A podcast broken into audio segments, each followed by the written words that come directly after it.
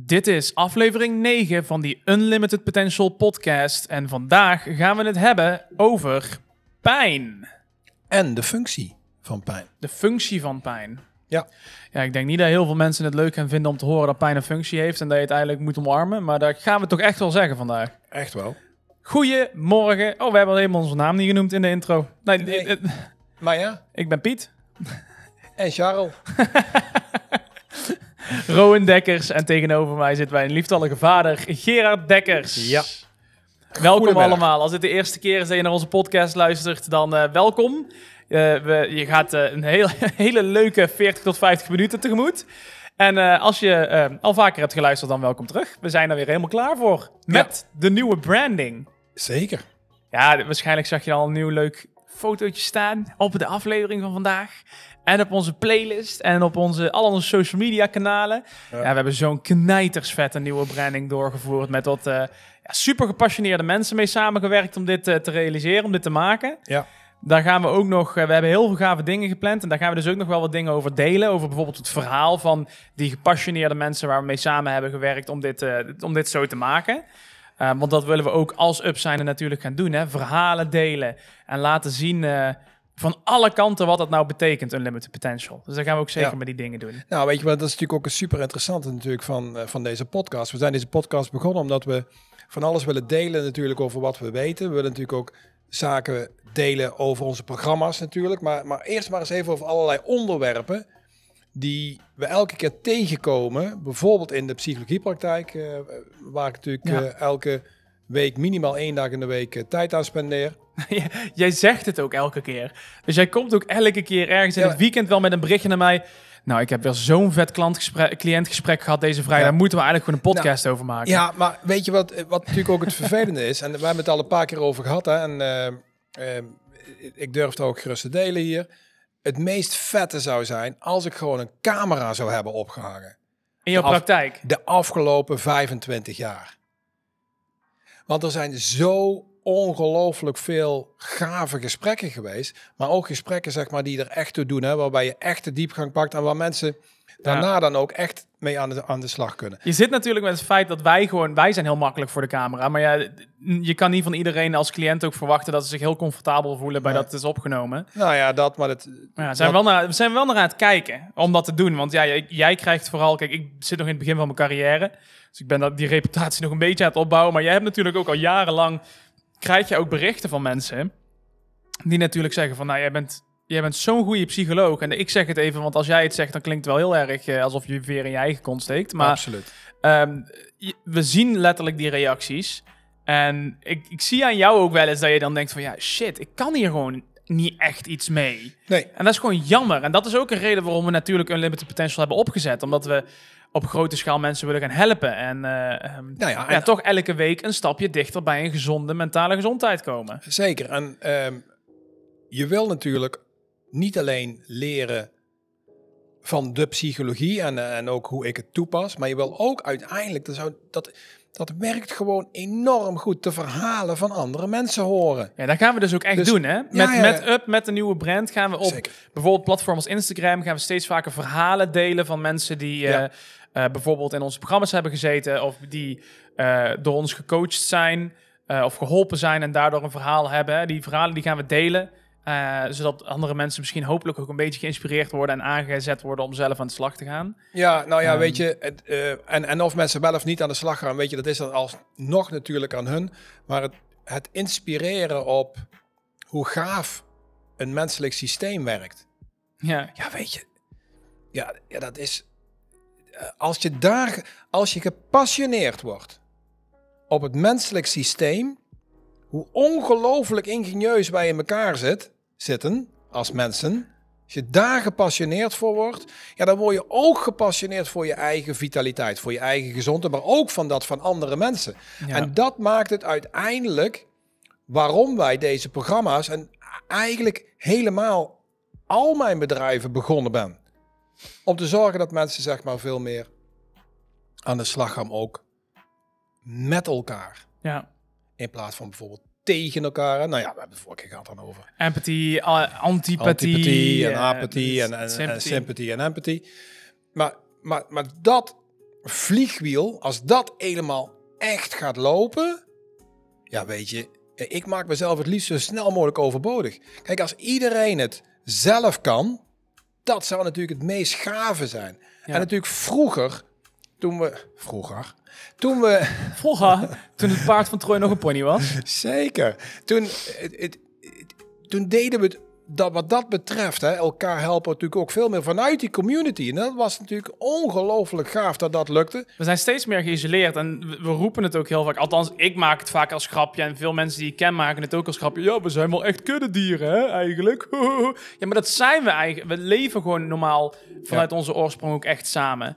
En eh, we hebben ook allemaal verschillende functies. eh, in principe, hè, dat sluit ook weer aan op de sociale stijlen waar wij veel mee bezig zijn. En ehm, eh, het sluit aan ook op de man-vrouw relatie, de, de, de oorspronkelijke man-vrouw relatie. Kijk, in de evolutie is daar veel in aan het veranderen natuurlijk, omdat daar ook de opening voor is om daar Ja. verandering in te hebben. Ja. Ehm, maar oorspronkelijk gezien, hè, daar zit ook gewoon, die sluiten elkaar, die sluiten zo perfect mooi op elkaar aan. Dat dat, dat, dat, alleen dat al is aan het teken. Maar dit, dit klinkt echt als een onderwerp waar we gewoon een hele podcast aan moeten gaan dedicaten. Zeker, maar we hebben wel een mooi bruggetje hier. Want, Hier komt hij. nou komt ie. Kijk, weet je, dit, deze podcast gaat dus over, eigenlijk over de functie van pijn. En hoe ongelooflijk waardevol pijn is. Maar het ervaren van pijn in je eentje is natuurlijk ook weer heel anders dan wanneer je eh, een uitdaging of pijn of wat dan ook ervaart, terwijl je met anderen bent. Ja, Dus, dus, dus dan, wordt het, dan wordt het al veel minder zwaar. Want je voelt een soort gedeelde smart. Ja, met en maar tegelijkertijd heb je ook in, in, natuurlijk in de onderzoeken die we bij de aflevering over ehm, catastroferen hebben gehad. Ja. Toen heb ik dat onderzoek erbij gepakt. En daar kon je dus bijvoorbeeld wel weer zien dat soms mensen meer gingen catastroferen naar hun partner wanneer hem- in eerste instantie, wanneer ze hun pa- partner weer zagen. Mhm. Dus dan willen ze in één keer hebben ze een hele grote eh, ehm, eh, ja, niet. eh, hoe is het? Zo, soms moet ik echt even switchen Behoefte. tussen behoefte aan, aan sympathie vanuit de partner. En dan gaan ze echt Ja. daardoor een beetje catastroferen om die sympathie uit te lokken. Maar uiteindelijk is het inderdaad... ehm, ja, het samen pijn dragen is toch wel... Het is niet de verantwoordelijkheid voor een ander, van een ander natuurlijk. Maar het helpt gewoon. En als je het samen kan tackelen, is het op alle manieren is het fijn. Als je die sympathie kan voelen en tegelijkertijd goed gebruik kan maken van de empathie, waar we het vorige keer over hebben gehad, Ja. dan zal de verwerking van pijn gewoon veel makkelijker gaan. Ehm, maar ja, om dan toch even iets specifieker richting vandaag te gaan, Ja. ons onderwerp. Ja. Wij willen natuurlijk het ook een beetje hebben over wat die pijn nou is. Want we hebben het de hele tijd over pijn moet weg en pijn is slecht en pijn is vervelend. Ja, nou, kijk, Ik wil bijna zeggen, hou er eens mee op, joh. Met pijn is slecht en vervelend. En ik snap het wel, hè. Ik heb afgelopen zaterdag heb ik gevoeld hoe het is om heftig te menstrueren. Daar, daar hebben we het net- ook over gehad. Omdat ik eh, voor een persoonlijke video heb ik aan de machine gehangen. En wilden wij gaan ervaren hoe het is om als een vrouw extreem te menstrueren. En de, die, die, eh, die machine die ging tot een... eh, tot het gemiddelde, wat helaas veel te hoog ligt bij vrouwen. Dus wel extreme krampen is dat. 7 op de pijnschaal. Oké, Waar je in het ziekenhuis dus morfine voor krijgt, normaal gesproken. oké. Heb jij niet gehad, hè, morfine? Nee, nee, maar vrouwen ook niet. Hè? Nee. En, en dus gemiddeld hebben de meeste vrouwen die krampen regelmatig. Ehm, en dat is ook heel veel pijn. Maar toen herinnerde ik me, en dit is vind ik een, een leuk bruggetje naar iets wat jij ooit tegen mij hebt gezegd toen ik klein was. Ehm, je, moet het, je moet pijn natuurlijk nooit accepteren in, de, in, de, ehm, in, het, in het zicht van eh, dat je er niks mee moet doen. En het maar moet laten gebeuren. Je moet er echt wel bij nadenken van waarom is het gebeurd en wat ga ik hier aan doen. Maar wanneer het gebeurt, moet je er niet tegen gaan verzetten. Je moet het wel omarmen dat het er is. En, en, en gaan kijken waarom ben je er. En het is een deel van jou. Dus dat merkte ik zaterdag ook. Toen ik heel erg krampen had, heb ik op een gegeven moment... Heb ik, kreeg, een, kreeg weer een laag, want daar ging 15 seconden in, 15 seconden rust, 15 seconden in. Hebben vrouwen overigens ook niet. Die hebben niet in golfjes. Nee. Ehm, en op een gegeven moment dacht ik, we moeten gewoon even focussen. Toen ben ik gaan zitten. Echt in meditatiehouding. Gewoon kleermakers zit, handjes zo, rustig ademhalen. En ik ging bij mezelf denken, ik zeg, het mag er zijn. Het is er gewoon. Daar gaan we niks aan veranderen. We gaan gewoon even rustig worden. Even rustig ademhalen. Het is een deel van mij momenteel. Het is gewoon een deel van mijn lichaam. En dat moet ik niet proberen af te stoten. We gaan hier wel iets mee doen, maar het is er nou en dat is oké. En direct, in een seconde, de, de volgende vlaag is veel minder heftig. Ja. Kon blijven zitten, ik had geen rare stuiptrekking, want ik heb echt in de raarste houdingen op die bank gelegen. Nou, maar, maar, maar dat is natuurlijk super interessant, want, want dit gaat natuurlijk over een pijn die goed te duiden is. Hè?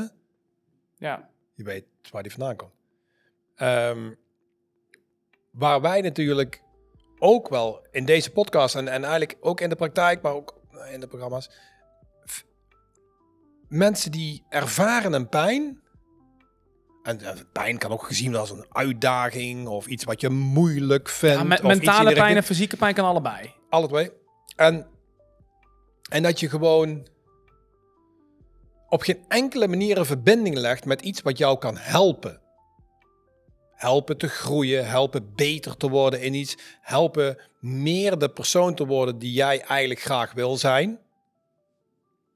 Dus, de, dus die, die pijn, dat, dat gevoel van ongemak, dat voel je en je wil het eigenlijk zo lief mogelijk zo snel mogelijk kwijt. Ja, omdat wij Pijnvermijders. pijn Wij zijn allemaal pijnvermijders. Alleen dan kiezen we natuurlijk het liefst de snelle oplossing. En nou ja, ik denk dat iedereen in zijn leven wel een keer heeft ervaren dat de snelle oplossing niet altijd de beste is. En ehm, als dat niet zo is, dan lieg je. Nee, iedereen heeft wel eens een keer de easy way out gekozen, wat niet per se de slimste Nee. manier was. Nee. Nee. Ehm, Ja, en- dat is gewoon zo. Maar pijn is uiteindelijk een signaal. Het is niet het probleem. Iedereen denkt dat pijn het probleem is. Pijn is helemaal niet het probleem. nee. Het is, het, het- waarom, waarom komt er pijn? Omdat er iets aan de hand is. Er gaat iets, er gaat iets Ja, maar- st- stuk, kapot. Er is een uitdaging, een blokkade. En, eh, en dat geeft als signaal pijn omdat je er iets mee moet gaan doen. Ja, en hier komen we natuurlijk weer bij die, bij die passie voor je, eigenlijke mensen, voor je eigen systeem. Kijk, als je de passie hebt voor je eigen systeem, hè, dan ga je naar die pijn kijken. Dan ga je denken, hé, hey, wacht eens eventjes. Pijn is niet zomaar iets wat zeg maar buiten mij is. Nee, het is iets wat in jezelf is. En als je het interessant vindt voor jezelf dat die pijn nu op dit moment aanwezig is en dat je de mindset hebt. Dat pijn de ticket to progress is. Als, je dat, als dat je mindset is, hè, dat is mijn ticket to progress. Maar dat is mijn, mijn, mijn signaal om verder te komen. Ja, dat is natuurlijk gewoon gigantisch fijn. En dan wordt pijn natuurlijk weer iets heel anders. Pijn is, wordt, een, wordt een tool. En dat is het ook. Gewoon wat ik net al zei. Vanuit oorsprong is pijn een tool. Het is een tool van je lichaam. Van, Zeker. van jouw lichaam. En als er iets is wat we ook vaak hebben, is mensen die toch een beetje. ehm, hè, je ziet het veel in, eh, in, in, in, in de relaties die stuk lopen. Met mensen moeten dan vaak. ehm, nee, jij weet dat best dan, maar jij ook relatietherapie doet. Dus misschien dat jij- dit kunt bevestigen. Maar je ziet natuurlijk heel vaak dat mensen eerst even met zichzelf aan de slag moeten als er in een relatie iets fout loopt. Dat ze merken dat er bij hunzelf, dat er eigenlijk bij hunzelf eerst iets zit waarmee ze iets moeten doen, mee aan de slag moeten. En dat ze daarna kun je dan beter focussen op het, Ja. op het samen natuurlijk. En ik denk dat dat bij pijn, eh, dat is natuurlijk hetzelfde. Want ze zeggen ook altijd, zorg dat je eerst voor jezelf houdt, voordat je van een ander kan houden. Of Ja. kan, als, zorg dat je van jezelf kan houden. Maar Ja. pijn is een onderdeel van jou. Dus waarom heb je zo'n afkeur naar een deel van jouzelf? Want pijn is van jou. Dat is een goede vraag. Dat is een hele, hele eh, misschien een beetje een filosofische vraag bijna, hè? maar eh, het signaal van pijn is eh, komt, wordt gestuurd vanuit jouw eigen lichaam. Zeker, Het is van jou. zeker. Het is niet van iemand anders. Hè? Zelfs als iemand anders iets beledigends zegt naar jou en jij voelt daardoor pijn, is nog steeds jouw pijn. Zeker. En als je de oorzaak van het ontstaan van de pijn buiten jezelf legt, verliest het de meest essentiële kracht. Ja. Dus, Eh, dus ja, de- nogmaals, de, kracht mensen, voor de oplossing, de, de, ja. ja, dus, dus, dus nogmaals, op het moment dat je de oorzaak voor het ontstaan van pijn buiten jezelf legt, verliest het signaal de kracht voor persoonlijke groei. Ja, ik, ik, ben het er compleet, ik, ik ben het er compleet mee eens. Alleen het is gewoon de reden. Je merkt bij mij ook, ik raak er een beetje door. Nou, eh, emotioneel is het niet. Ik, ik, heb, ik raak er niet Enthousiasmeerd misschien? Nou, gepassioneerd van. gepassioneerd zelfs. Omdat je ziet hoeveel mensen daar gewoon aan, aan, aan onderdoor gaan, omdat ze dat gewoon niet doorhebben. Hoeveel mensen gewoon die, die pijn als het bijna een soort van, ja toch een, een, een force van buitenaf zien. Pijn, dat, dat die pijn niet van hun is of zo. Dat het buiten hun is, maar hun wel kwelt. Ja, maar en als je hem wel bij jezelf, dan zeg je van, oh ja, nee, ja, weet je, dat is echt mijn pijn. Duidelijk, het is mijn pijn. Maar die is veroorzaakt door daar. Ja, maar dan zeg je dus eigenlijk nog steeds dat de pijn niet vanuit jezelf komt. Want het komt van die. Het komt van die. Ja, nee, klopt. Je voelt natuurlijk zelf wel die pijn, want je hebt ergens last van. Ja, Je hebt last van een relatie die niet goed werkt. Je hebt last van het feit dat iemand bepaald gedrag vertoont en jij daardoor geïrriteerd raakt of gefrustreerd raakt of beledigd raakt of wat dan ook. Ja. En het feit dat dat gebeurt is de schuld van iets buiten jou. Ja, dus dan leg je toch de oorsprong van, inderdaad, de oorsprong van de pijn leg je buiten jezelf. Zo jammer. Ja, want het, het is gewoon fysiek ook gewoon niet waar. Nee, het is feitelijk niet waar. Feitelijk niet waar. Het, nee, het is feit. Maar hoe kun je nou gaan ontdekken zelf dat je controle kunt hebben over het effect wat iets van buiten jou op jou heeft? Dus hoe kun je gaan ontdekken dat datgene wat er buiten jou gebeurt niet een pijneffect krijgt op jou? En als het wel een keer gebeurt, want dat kan zomaar toch gebeuren natuurlijk, ook al heb je, nou, ook al, ook al ben je er al super goed in, dat je nog steeds zelf de mogelijkheid hebt om die pijn om te zetten in een first step to progress. Ja, het begint natuurlijk gewoon bij wat we net al zeggen. Het begint al bij het besef. Het besef dat, het, dat, het, dat, het, dat die pijn bij jou begint. Hij begint niet daarvoor. Die pijn begint bij jou wanneer je hem voelt. Nee, dat signaal misschien of die actie van die ander, van jouw partner of van je werkgever of van een vriend of van iemand in het verkeer of van iemand die zit te treuzelen bij de Albert Heijn eh, m- met zijn boodschapjes. Die kennen we allemaal. De frustratie dat je vierde in de rij bent, maar niet je boodschappen gratis krijgt bij de Jumbo. Bijvoorbeeld. En, en dan, dat is, dat is alleen maar iets wat er gebeurt ergens en in de buitenwereld. En of dat dan bij jou een pijn veroorzaakt, of een irritatie, of een frustratie, of, of maar dan- dan, ja, maar dan zelfs begint misschien depressie, hè, zeg maar. Dat is van jou. Dan, maar dan, dan, dan- klopt het wat ik zeg, toch? Dus dan is het besef dat de pijn bij jou begint, niet bij de actie. Zeker. De actie is het begin van de interactie. Dat is het. Het is de, het begin van de interactie die, er- die, is, is dat. Maar de pijn begint pas bij stap 2. En de pijn is dus, die begint in jezelf. Die begint bij jou. Het- Hetgene wat er gebeurt, komt in principe zonder pijn binnen. En daarna wordt het geprocessed in je brein. Of waar het ook binnenkomt. Misschien wordt het wel fysiek geprocessed door je lichaam. Omdat je een trap krijgt van iemand bijvoorbeeld. Hè. Dan wordt het echt via pijnreceptors in je, in je huid wordt het binnengelaten. Maar dan alsnog wordt het in je lichaam pas eigenlijk verwerkt als zijnde een pijn. Absoluut. En ehm, ik denk dat de opdracht dit keer voor, eh, voor deze podcast super simpel wordt. Wil je die nu al gaan... We zitten er pas 19 minuten in, hè? We hebben nog een stukje te maar gaan. we, we gaan het misschien nog een paar keer herhalen zelfs. Eh, eh, ja, en het is een ja of nee vraag wat mij betreft. Dan kunnen we hem in, de, in een poll zetten zelfs. Vind je dat pijn die je ervaart een actie van jezelf is? Ja of nee? Maar als je na alle uitleg die we deze podcast nog geven, hè, als je dan... Nee, weet je wat? La- la- laten we het dan zo, zo doen. Nee, want anders dan wordt het, wordt het te partijdig. Ik zat even te denken van, weet je, we moeten het niet te veel sturen richting een kant, hè. Luister gewoon eens naar wat we te zeggen hebben. En laat dan even weten in de comments. Of in de poll kun je ook gaan stemmen, hè. Maar we gaan, hem ook, we gaan je ook een open vraag kunnen laten stellen via Spotify. Dat kunnen we ook doen. Ja. Ehm, Maar, maar ligt het- een ja-nee vraag. ja, ja, nee, maar ligt het wel even toe. Dus als je zegt van nee, waarom dan niet? En als je zegt ja, waarom dan wel? Maar waarom- eerst- ja, ook eh, prima. Als je dat wil. Eerst maar eens ja en nee. Ja, daarom zetten we de poll ook op. Hè? Dus mensen kunnen sowieso ja, nee doen. Maar Ja, weet je, want, want kijk, de meeste mensen die bij ons komen, hebben ergens last van. En je zou ze de kost moeten geven die denken dat wij een probleem gaan oplossen. En there is for a surprise. Dus, dus in, het, in het begin van het programma word je echt gewoon geactiveerd op het feit dat je zelf met jouw mindset kunt bepalen waar jij naartoe gaat bewegen. Dat je daar wel tools voor nodig hebt. Nou, die reiken we aan. dat doen we. Dat, Begeleiding, logisch. we helpen je, we houden je accountable. We, doen, we geven je wel handvaten, maar we gaan, we gaan je probleem niet, we gaan je pijn niet voor je oplossen. Ja, de enige pijn die we in principe oplossen is dat jij die, die tools misschien nodig hebt, maar je moet nog steeds zelf doen.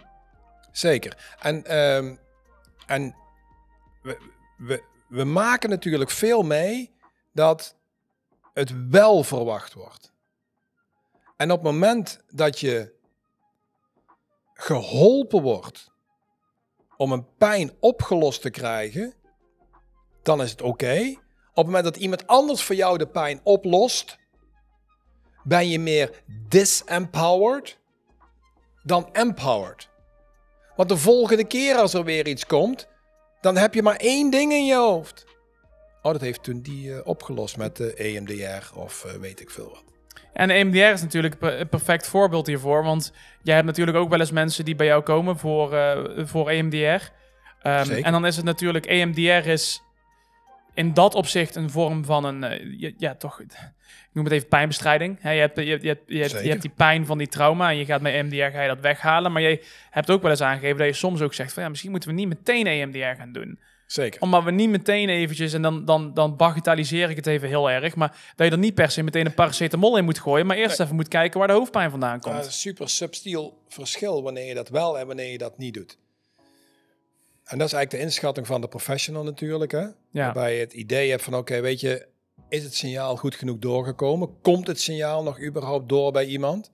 En op het moment dat je merkt dat het signaal aan het doorkomen is, dat het signaal echt gezien wordt, maar dat mensen het gewoon niet meer willen ervaren, dan is EMDR geen goed idee.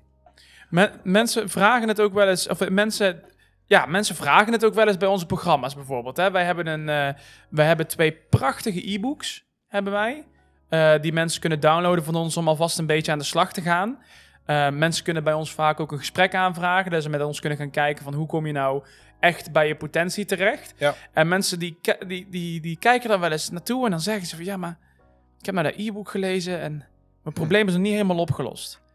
En dan denk ik, Oh, wel raar, vreemd. wel vreemd. Ja, Natuurlijk, en eh, lu- luister eh, even, hè. ik snap het, hè. we leven allemaal in een, in, een, in een wereld waarin we het liefste zouden willen dat alles meteen heel makkelijk snel opgelost wordt. Maar je, je- kom op jongens, we denken toch niet dat we met een gratis e-boekje waar we neerzetten, dat we meteen al je problemen oplossen. En sterker nog, wij willen niet eens dat jij het gevoel hebt dat het helemaal is opgelost. Want zodra jij het gevoel hebt dat jouw probleem is opgelost, dan kap je met werken eraan.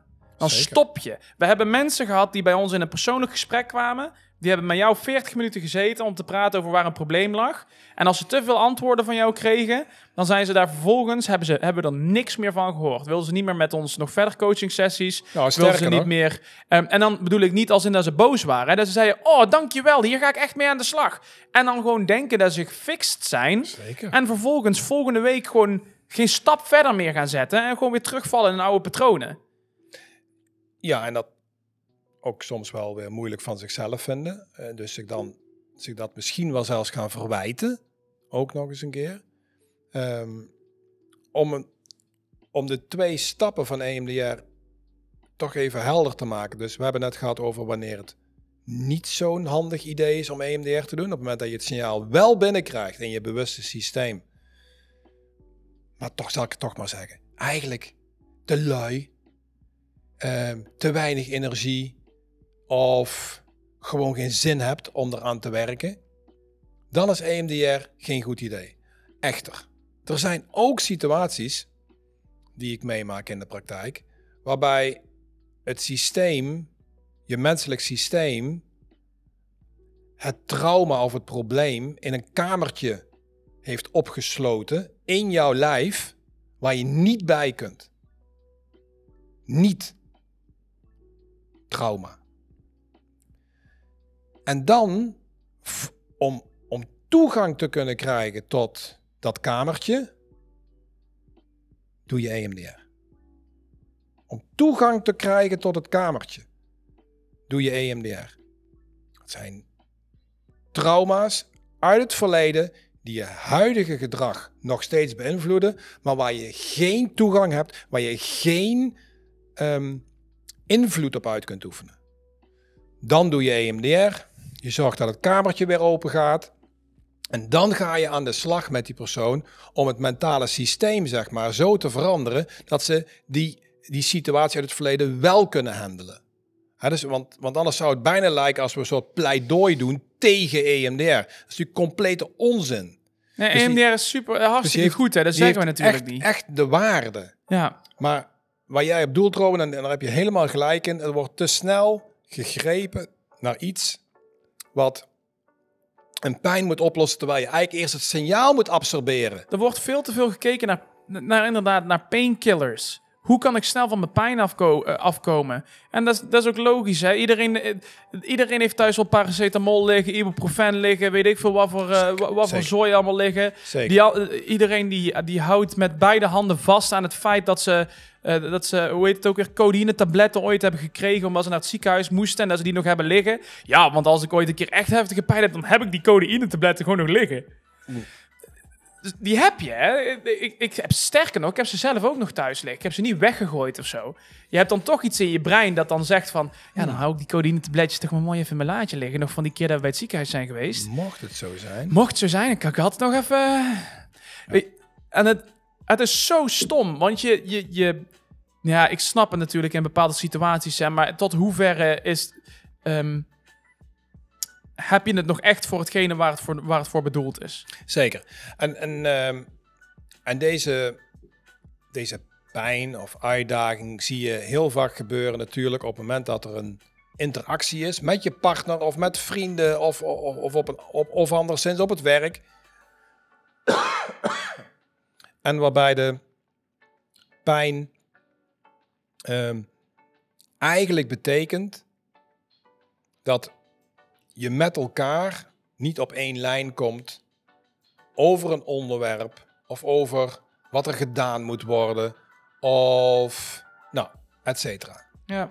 En bijna altijd heeft het te maken met het feit dat je de ander verwijt dat je iets niet krijgt wat je zelf graag zou willen ontvangen.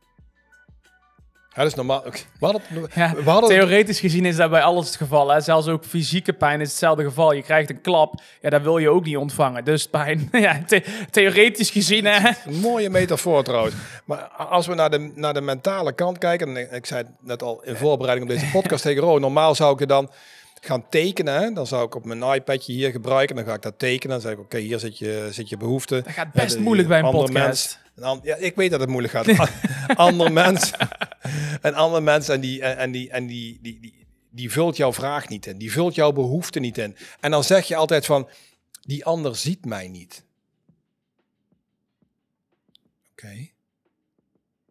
En eigenlijk bedoel je, die ander ziet mij niet voor wie ik ben en vult niet aan datgene waar ik behoefte aan heb. Wij noemen dat, hè, Rowan, de psychologische basisbehoefte. Hè? Ja. Dus iedereen heeft die natuurlijk. Ehm, dat, dat kun je enigszins generaliseren, omdat we natuurlijk ook met een, met een methode werken. Maar alleen al het gesprek aangaan met elkaar. Goh, waar heb jij nou behoefte aan?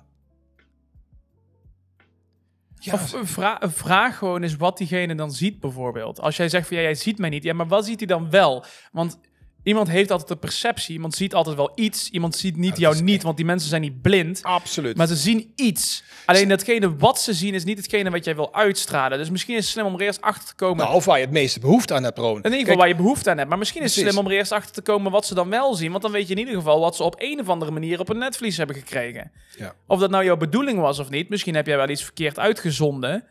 Eh, in ieder geval niet zoals jij het wil uitzenden. Ja, maar op zijn minst hebben ze niet gekregen wat ze graag willen ontvangen. Ja. En dat verwijten ze de ander en dan worden ze zelf depressief van. Of geïrriteerd, of gefrustreerd, of et cetera.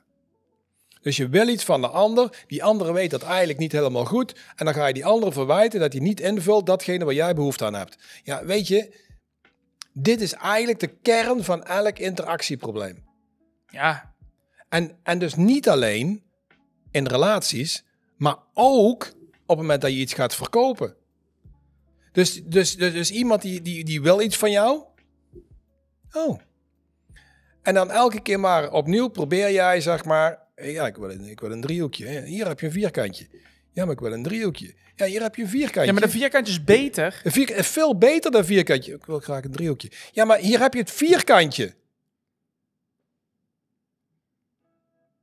Ik zie toch dat jij dat vierkantje nodig hebt. Ik zie het toch? Terwijl als je dat vierkantje door de midden snijdt, hè, dan kun je die andere persoon twee driehoekjes geven. Hè? Je wil een driehoekje, hier heb je er twee, jongen. Ja, maar jij bent echt, echt heel goed. Koppie, koppie. En nou, nou klinkt het als een echt een stom voorbeeld, hè? maar zo gaat het wel. Maar weet je dat het echt waar is? En op het moment, en, en, en nu komt de clue ook een beetje. ik zat want- er al op te wachten. Ik dacht, want we dwalen wel een beetje af van het hele pijnverhaal. Maar dit- helemaal niet, want, want, want het, is, het is cruciating pain. Dus Ja. als jij niet wordt gezien voor wie jij bent door de ander, dat is een soort menselijke basisbehoefte. Iedereen wil gezien worden voor wie hij of zij is. Iedereen. En dan hangt het. En, en, en, en wat er dan gezien wordt en wat je dan belangrijk vindt, hangt weer af van je natuur, van je persoonlijkheid. Maar iedereen wil gezien worden voor wie die is. Iedereen. En wat het mooie is, en nou verklap ik eigenlijk mijn complete relatietherapie. En ik zou zeggen, neem het op in je en gebruik het. Dan hoef je mij nooit meer te bellen. Ja, nou, nou, nou spreek je echt compleet tegen wat ik eerder zei, hè? Van dat mensen te snel het gevoel hebben dat ze gefixt zijn. Spreek je nou een beetje tegen, hè? Dat snap je ook. Is misschien niet heel slim. En dat zeg ik niet vanuit een business standpunt, hè? Dat is gewoon waar. Read my lips. Als je samen het gesprek aangaat. Goh, waar heb jij nou behoefte aan? En omdraait. Goh, waar heb jij nou behoefte aan? En je kunt, mind you, dat gesprek voeren zonder een oordeel te hebben over datgene waar die ander behoefte aan heeft. Nooit meer een psycholoog nodig. Nooit meer. Nee, helaas eh, eh, beheersen vrij weinig mensen dit nog in de hedendaagse tijd. Ja, maar kijk, weet je, toen wij in deze podcast gingen, hè, wij, lieve mensen, wij zijn best lieve, aardige, empathische mensen. Jij en ik. We doen ons best. Laten we, laten we die perceptie die we proberen te scheppen over aan de ander... of dat andere mensen ook vinden Oké, dat wij empathische mensen zijn. Maar hier wil ik toch een lans breken voor complete zelfredzaamheid. Dit principe, dit principe van het aansluiten bij de basisbehoeften van, ehm, van de ander, is een kernvaardigheid die wat mij betreft op elke school geleerd zou moeten worden. Want ja, het is inderdaad alleen maar dit, maar dit ontwikkelen, om, om dit te kunnen, alleen al het zonder oordeel deel, ja, vergt, in, vergt inzicht in, in, in hoe een menselijk systeem werkt. Ja, en, en, inzicht en discipline, zelfcontrole ook. Het, het, het vergt ervoor dat je gewoon een keer, dat, dat je tegen jezelf gewoon gaat zeggen van ik ga dit gewoon nou niet doen. Dat je jezelf tegenhoudt om elke keer weer diezelfde dingen te doen. En dan niet weer de volgende dag weer verdrietig met, met een bak Ben Jerry's op de bank te gaan zitten. Oh ja, ik heb het weer gedaan. Ja, dat doe je zelf. Stop daar nou mee. Hm. Je hebt het zelf in de hand. En mensen hebben wel. Als je niet precies weet hoe dit, hoe dit systeem werkt, is het lastig om te zeggen: stop er nou mee. als je het systeem hebt geleerd, hoef je het maar één keer te leren. Eén keer. En je moet gewoon begrijpen dat op een gegeven moment als Ja. je die actie wel maakt, omdat je dit snapt. Hè, dus ik ben het met je eens. Je moet eerst die theorie snappen. En daarna moet je één keer ervaren dat het inderdaad een grens is die je eventjes moet doorbreken. En dat het een barrière is die je even moet doorbreken om wel die discipline te hebben. En om wel die, de, ehm, het op die manier aan te vliegen. En als Ja. je dat één keer hebt gedaan, dan heb je ervaren hoe het is Ja, om, je, om niet toe te geven aan die, aan die makkelijke reactie die je daarvoor Ja. altijd gaf.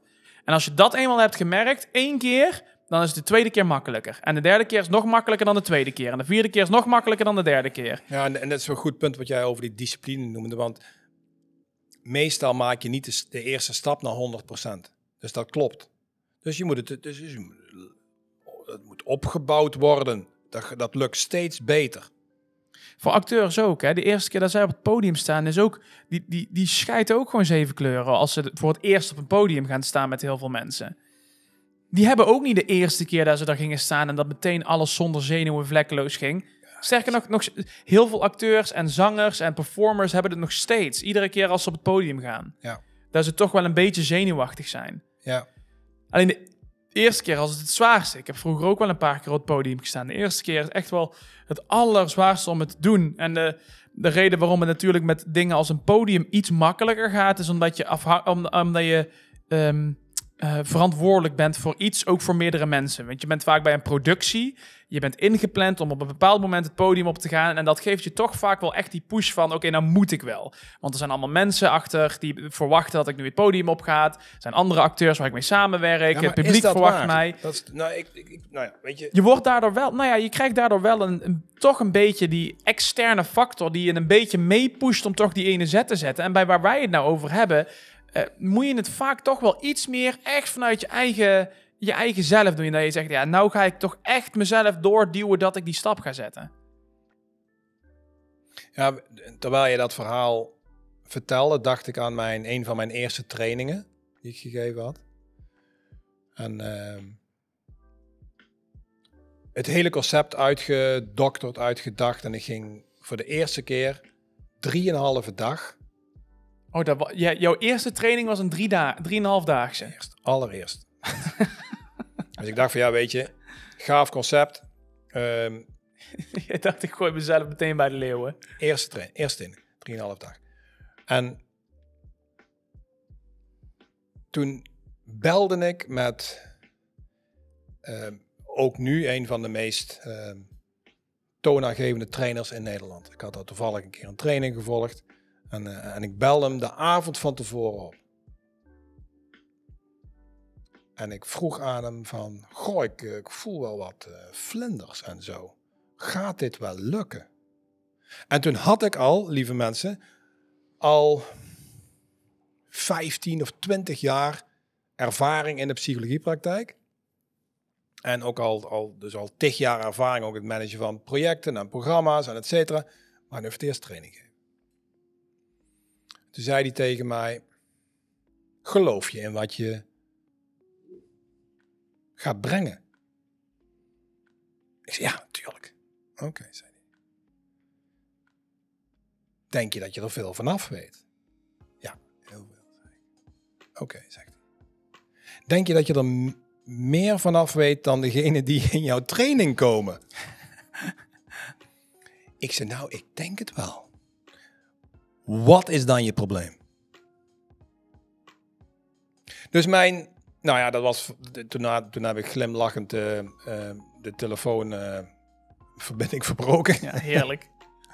En heb ik een fantastische training gegeven. En daarna eigenlijk elke keer herinnerende, herinnerde ik me die, ja, die, die coaching, zoals ik het mag zeggen, van hem. eh, even een paar uur voordat ik ehm, de eerste drie dagen inging. En de pijn die ik voelde, was onzekerheid. Onzekerheid of dat je het wel... eh, Die voelde ik. Ja. Ik voelde die pijn. Ik ging die niet wegbuiven. Ik ging niet zeggen van oké, ja weet je, is er niet. Nee, ik, ik ging kijken, wat, wat, wat gebeurt hier nou eigenlijk bij mij? En toen was er gelukkig iemand die je kende, die zo slim was om alleen maar vragen te stellen aan mij. In plaats van te vertellen wat ik moest doen, instructie te geven. Nee, die stelde mij een paar vragen waardoor ik geactiveerd werd op mijn pijn. En als een blad om de boom draaide het om. En dat is ook, het, dat is ook de les die ik iedereen mee kan geven. Of de ja, inspiratie of hoe je het dan ook wilt noemen. Pijn is niet iets wat langzaam hoeft uit te doven. Dat hoeft dus niet. Met, Als je het begrijpt en Christ- als je het, als je het echt begrijpt waar de pijn vandaan komt. Maar dat was bij mij ook aan het begin van, het, van de podcast, wat ik uitlegde. Dat verhaal van afgelopen zaterdag. ja, ja, ja. Dat ging van het een op het andere moment. Zodra ik me er zelf aan committen, dacht ik, heb deze pijn. Ik ga hem accepteren dat hij er nou is. En dat hij er, dat, ik ga daar gewoon nou mee dealen. En, eh, en, en, en, en ja, in, in een bepaalde manier ook wel een beetje denken van nou, even voelen waar die pijn nou vandaan komt. Hè? Het hoort er even bij. En meteen was het, was het bearable. Natuurlijk was het nog steeds pijn, want het, is, eh, het was letterlijk gesimuleerde pijn. Zeker. Ehm, Maar, maar het, het gaat hier dus ook om de perceptie van pijn en wat die pijn dan voor jou betekent. Nou, in dit geval is het best, bij- best een moeilijk voorbeeld natuurlijk, hè, met, met eh, krampen. Ehm, maar mentale pijnen, zoals eh Jiddu eh, Krishnamurti ehm, zei in een van zijn prachtige speeches, mensen zoeken het gewoon eens op. Ehm, dit soort depressie, frustratie, irritaties hebben een instant. ehm, dus inzicht geeft een directe verlichting. Maar dan moet het echt wezenlijk inzicht zijn. Nou ja, zal, zal ik eens...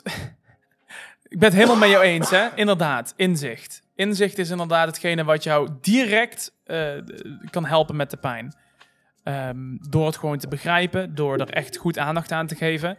Ehm, maar dan toch terugkomt op het voorbeeld wat ik net zeg. Ja, dat was gesimuleerde pijn. Maar wist je, en dan ga ik toch eventjes iets weggeven wat ik eigenlijk wilde bewaren voor eh, in de video zelf. eh, op mijn YouTube kanaal als die uitkomt. Maar ik ga het hier toch alvast zeggen. Wist je al dat als een vrouw bij menstruatiekrampen gewoon één dag, één dag rust neemt, oftewel luistert naar het lichaam dat het rust nodig heeft voor de menstruatie. Want het is gewoon een heftige, er gebeurt veel in het lichaam. Alle cellen in de baarmoeder die worden, worden eigenlijk ververst. Wordt een soort van gereset, wordt helemaal opgeruimd. Dat is wat er dan gebeurt. En dat is ook waarom je pijn voelt. Als dat in een disbalans is, als dat lichaam niet genoeg rust heeft gekregen om dat in gang te zetten, dan, dan wat er dan gaat gebeuren is, dan wordt dat eigenlijk heel abrupt in één keer gedaan. Want het heeft niet de tijd gekregen. En daarom doet het pijn. Omdat in één keer, bam, het, het doet het in één keer. Maar als je enorme kramp ervaart als vrouw zijn en je neemt die dag rust, wanneer je voelt dat jouw lichaam dat nodig heeft, vaak net voor de menstruatie, dan, eh, dan, zou, dan is de kans zeer groot, dat, of nou eigenlijk 100% dat de krampen sowieso enorm verminderd worden en soms zelfs compleet weggaan. Puur door alleen een dag rust te nemen. En Puur- ze- En, en dat, daar, daarin sluit het aan op wa- waar wij het nou over hebben. Dus eigenlijk wat er gewoon ge- ook gezegd werd, en dat Aandacht. heeft die expert ook gewoon gezegd. Ja, ja, ja, precies. Als zodra je er aandacht aan geeft van wat jouw lichaam nodig heeft, in dit geval bij, wat de vrouw bij haar menstruatie nodig heeft, dan, ga, dan wordt het bearable. Dan wordt het niet meer. Dan gaat heel die pijn die gaat nou, bijna helemaal weg. Niet altijd helemaal, maar wel voor een groot deel. Want het kan ook liggen aan een hormoondisbalans, et cetera, et cetera. Nou, dat is wel maar in ieder geval, als je maar- luistert naar je lichaam, Ja, maar ik denk, voor. ik denk dat je daar nog wat dieper op ingaat hoe je dan aandacht moet geven. Ook in die video. Eh, want, want weet je, dat, dat is natuurlijk een heel specifiek onderwerp. Hè? Dit, Deels wel. En we, we En- houden ook nog wel wat contact met de specialist waarmee we hebben gesproken. Exact, Dat, eh, exact. Dus, dus ik denk dat dat eh, nou voor iedereen aan te raden is om daar naar te kijken. Naar Rowan, die zal het ook wel bekendmaken. Dus, dus, die, ja.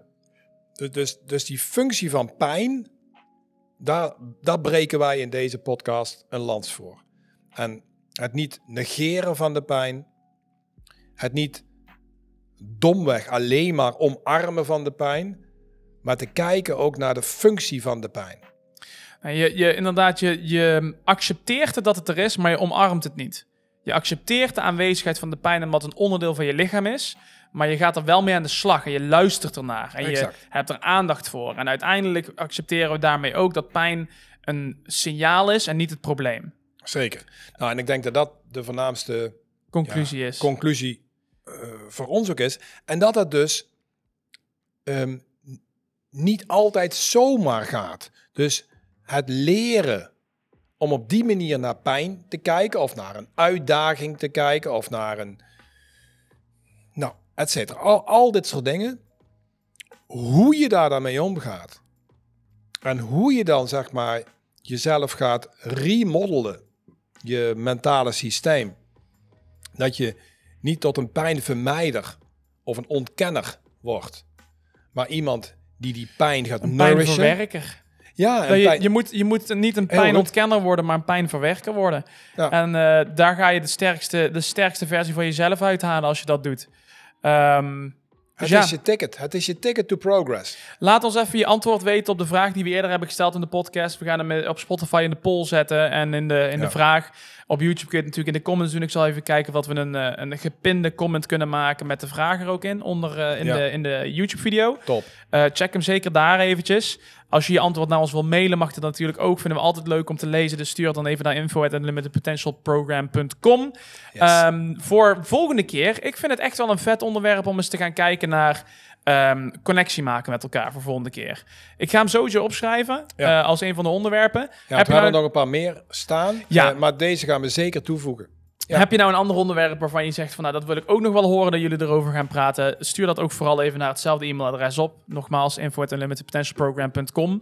Ehm, dat, was, dat was weer de, de aflevering over pijn alweer. Ik vind dit zo'n vet onderwerp. Ja, Ehm, dat vo- vonden we vorige keer ook al. Het is een onderwerp waar we iets minder... We hebben heel veel statistieken en dat is het mooie.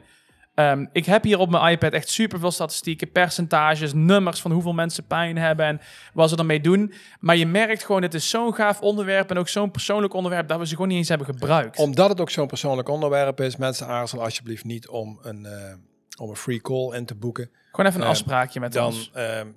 dan kletsen we daar een keer over. En we leggen Ja. natuurlijk ook dan meteen uit, zeg maar, hoe je daar eh, los van kunt komen. Ehm, dat je dat niet meer in gaat dwellen in de pijn, maar Ja. dat je daar kunt, dat je dat, dat je dat leert zien als een signaal, zeg maar, om te groeien. Ja, maar dus lieve je- mensen, zie ook deze podcast. En ook als je die call gaat boeken, nog één, voordat we afsluiten, nog, wil ik graag nog wel even meegeven. Zie het alsjeblieft niet als de oplossing, de permanente oplossing.